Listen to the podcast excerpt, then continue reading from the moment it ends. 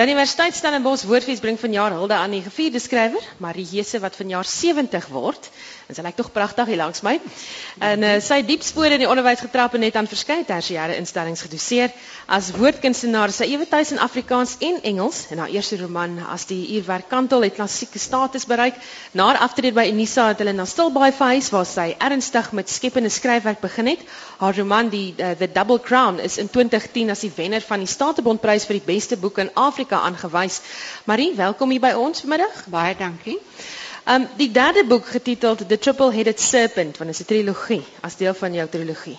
Um, verschijnen verwachtingen in april. Sluit het aan bij die vorige een, The Color of Power. En wat was je inspiratie voor die roman? Die heel eerste een, The uh, Double Crown, staan eigenlijk apart. Dit is wel een historische roman, maar dat is een ander uh, hoofdkarakter en is een ander tijdperk. Hmm. Dit is in antieke Egypte geplaatst terwyl die uh, Color of Power en Triple-Headed Serpent is twee dele van die verhaal van Theodora. Die vrou wat 'n straatvrou was en toe word sy 'n magtige heerser. Jy weet ek het dit een keer vir um, Herman Gilomee gesê. Hy vra my waarmee ek besig is. Toe sê ek maar hierdie vrou wat uh, jy weet sy was 'n prostituut toe word sy 'n magtige heerser. O sê Herman, met mans is dit gewoonlik anders omgestel. Maar zeg maar, hoe het jy dan nou navorsing gedoen vir gedoen vir hierdie nuwe roman? Ehm um, en kombineer jy fiksie en feite in jou boeke? Ja, mens kan nie eintlik anders met 'n geskiedkundige roman as om wel sekere dinge te fiksionaliseer nie, want daar's altyd goed wat niemand regtig weet nie. Jy sien. Hmm. So ek begin veral eers met boeke voor ek na die ehm um, internet toe gaan, want hy kan jou mislei, nie? Ja, van verschillende inlichting. um, ja, je kan me altijd vertrouwen, maar ik doe dit wel later. Hm. Ons verstaan als een moontlikheid dat de Color of Power in Turks vertaal gaan worden.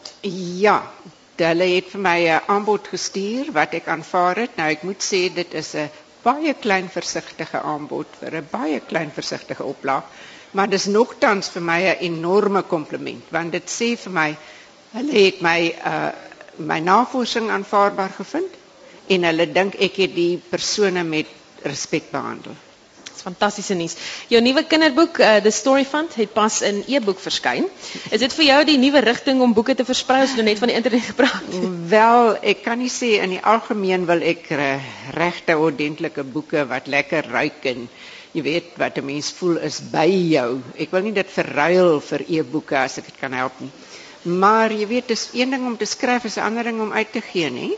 So ek het nou besluit as die uitgewers nie my goed wil hê nie, dan sit ons dit op die internet en ek kan dit nie self doen nie. My vriendin wat dit vir my doen, sit daar aan die kant in Hemstra.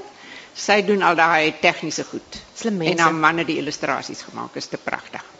Ja, natuurlik as dogter van die bekende skrywer Audrey Blighnout groot geword en sy was 'n sterk vrou wat in baie opsigte haar tyd vooruit was. Watter invloed het sy op jou lewe gehad sover jou skryfwerk betref? Wel, sy het altyd gesê sy het vir my niks geleer nie. Maar jy weet sy was 'n onpraktiese vrou, so sy het nie vir my praktiese goed geleer nie. Maar eintlik het sy vir my deur 'n skryfskool, 'n sluipskool gesit wat skrik vir niks. Want in my hele kinderjare het sy geskryf vir Sari. Jy weet dit was uh, in die begin elke 2 weke, later was dit elke maand. En ek het gesien wat sy doen. Sy skryf oor. Jy weet writing is rewriting. Mm. Nee, oor, sy het nooit gaan sit en die ding afgerammel en dit is nou goed genoeg want dit is mos nou maar 'n ou stukkie journalistiek, jy weet. En so in die haar goed is um jy weet is oorverblindery dat dit maklik lyk. Dit lyk maklik, dit lyk eenvoudig. Maar daar's enorme kuns in. En dit het sy vir my geleer dat 'n skrywer moet absoluut sy beste lewer. En as jy nou so terugkyk na jou kinderlewe en na jou ma en hoe sy was en nou is sy 70, wat het jy van haar geërf? Wel, ek dink ek het die skryfgeen van haar geërf. jy weet as jy hom het, dan kan jy nie anders nie. Jy moet skryf. Dit is lekker as jy uitgegee word, maar as jy nie uitgegee word nie, dan plak jy nog steeds skryf. Enige manuskripte waaraan jy nou werk? Daar's iets in my kop, maar hy moet nog broei. so jy uit jou uittrek. Nee, nee. Ehm um, waar mee hou Mariesa besig op Stilbaai waar jy in jou man Chris nou bly? Oef, wel ons is verskriklik besig. Ek weet nie hoe ons ooit tyd gehad het om te werk nie.